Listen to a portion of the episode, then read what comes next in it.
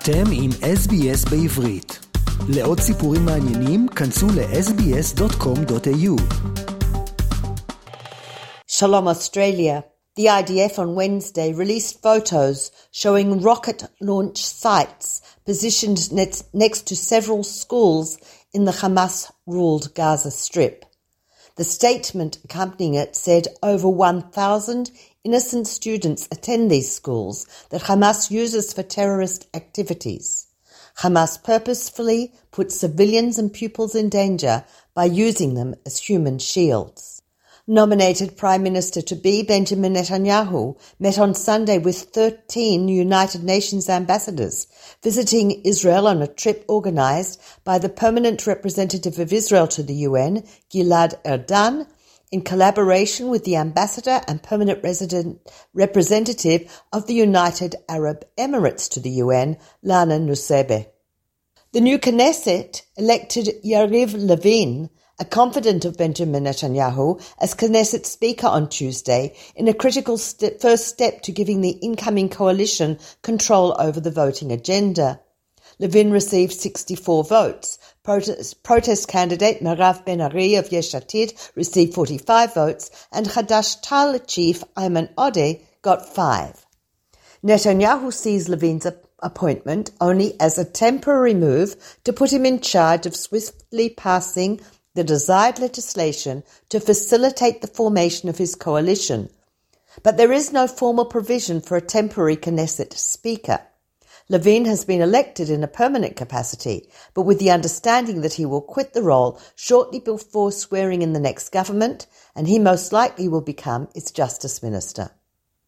With Levin in the chair, the incoming coalition early on Friday passed by a vote of 63 to 52 the first reading of legislation that will clear a path for party leader serving a suspended sentence, Shas's Aryeh Deri, to hold three ministries and will enable the leader of religious Zionism, Bezalel Smotrich, to become an independent minister in the defense ministry in control of West Bank building. The laws are preconditions for the two parties to join the government coalition. Two other bills demanded by incoming coalition lawmakers will be voted on in coming days. One will expand the authority of the National Security Minister, set to be Otzma Yehudit head Itamar Ben Gvir, over the police force. Netanyahu has until December 21st to declare that he has formed a coalition. Outgoing Justice Minister Gideon Saar held up the vote on Thursday night, Friday morning by speaking at the Knesset podium for over three hours. Attorney General Gali Baharav Miara on Thursday condemned legislation being proposed by the likely incoming government, cautioning that the bills to alter the power of the judiciary could render Israel a democracy in name only. Baharav Miari said even in a country where the government is democratically elected, majority rule is not enough in order to guarantee freedom and equality for all. Majority rule without systems that balance the power of the majority are not, in essence, democracies. Without judicial oversight and independent legal advice, we will be left with just the principle of majority rule and nothing else. Democracy in name, but not in essence. Former President Reuven Rivlin also came out sharply against the sweeping changes in the judicial system planned by the prospective next government, warning on Monday that they are an attempt to destroy the court system, seemingly motivated by vindictiveness. Prime Minister designate Benjamin Netanyahu on Thursday defended the inclusion of far right wing lawmakers in his coalition when he told American National Public Radio that MK Itamar Ben Gvir has modified many of his views in recent years. But anyway, Netanyahu said, he will not be the driving force of the next government. Netanyahu said it was one thing to speak during political campaigns a decade and a half ago, and it's another thing to actually be in a position of responsibility and governance. And I will certainly ensure that that will be the case. Netanyahu also attempted to assuage fears over the impact that ultra Orthodox parties would have on the coalition he's seeking to form, telling the Knesset on Tuesday that the religious secular status quo will remain as it is and promising not to give in to demands to, to stop the to stop the production of electricity on the sh- Sabbath on Shabbat after reports that the ultra-orthodox United Torah Judaism Party was making such demands including shutting down the country's power stations during Shabbat and designating additional gender segregated beaches.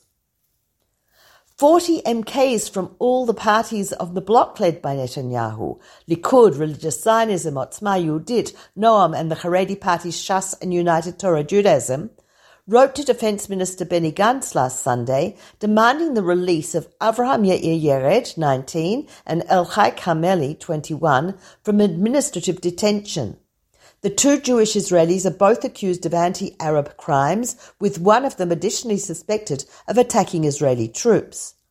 Gantz on Tuesday responded, saying the request to free them gives a boost to terror, and decried the lawmakers for issuing their demand without having access to the sensitive intelligence involved in the decision. As elected officials, you have a responsibility. As long as I serve as defense minister, I will not allow political involvement that endangers the security of the state of Israel, Gantz wrote. With the two cases in question, I was presented with intelligence material of unequivocal importance that indicates a high level of danger posed by the detainees to the security of the state and safety of the public. The IDF said it believed with high probability that a soldier accidentally shot and killed 16-year-old Yana Majdi Assam Zakana during a battle with Palestinian gunmen in Jenin late last Sunday. She was found dead on the roof of her home with a gunshot wound to the head after Israeli troops withdrew from Jenin. The IDF said a border police sniper fired at Palestinian gunmen who were shooting at soldiers from rooftops during the raid but dismissed claims that the teen was shot on purpose as unfounded and baseless. A 40 year old mother of 10 was seriously injured on Thursday night in Jerusalem during a protest by hundreds of ultra Orthodox extremists. She was hit by a rubbish bin that had been sent rolling by the protesters. At first, her injuries appeared mild, but during the night, her condition deteriorated and she is still in a serious condition. The demonstration in Mea Shearim erupted in response to the arrest of a man suspected of torching a mobile phone store because the owners were not complying with kosher rules restricting the devices. Hundreds of protesters blocked roads, caused damage, and threw stones at police. Lawmakers from across party lines on Friday condemned the violence. A 33 year old man was shot dead in a car in Nazareth on Tuesday night. A second man who was with him was wounded and was hospitalized in moderate condition. The murder in Nazareth brings to 108 the number of members of the Arab community killed in violent incidents since the start of 2022. Of the victims, 104 were citizens of Israel. The IDF says 151 Palestinians have been killed in clashes with Israel this year in the West Bank, saying that the overwhelming majority of those killed were carrying out attacks or had clashed with security forces. Israeli inflation reached 5.3% in November, hitting a 14 year high and putting further pressure on the Bank of Israel to hike interest rates again next month.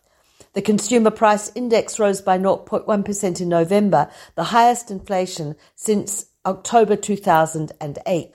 The government published data on Tuesday showing that home sales in October dropped by 65% compared to the same month last year. And in a first for Morocco or any Arab country, an Israeli musical was performed in Morocco in Hebrew last week. Bustan Sefaradi is a new version of the 1969 original play by the same title that depicted daily life in a Sephardi neighborhood of Jerusalem during the 1930s. It was written by Yitzhak Navon, who would later become Israel's fifth president. This is Peta Jones Pellach reporting for SBS Radio from Jerusalem. רוצים לשמוע עוד סיפורים? האזינו דרך האפל פודקאסט, גוגל פודקאסט, ספוטיפיי, או בכל מקום אחר בו ניתן להאזין לפודקאסטים.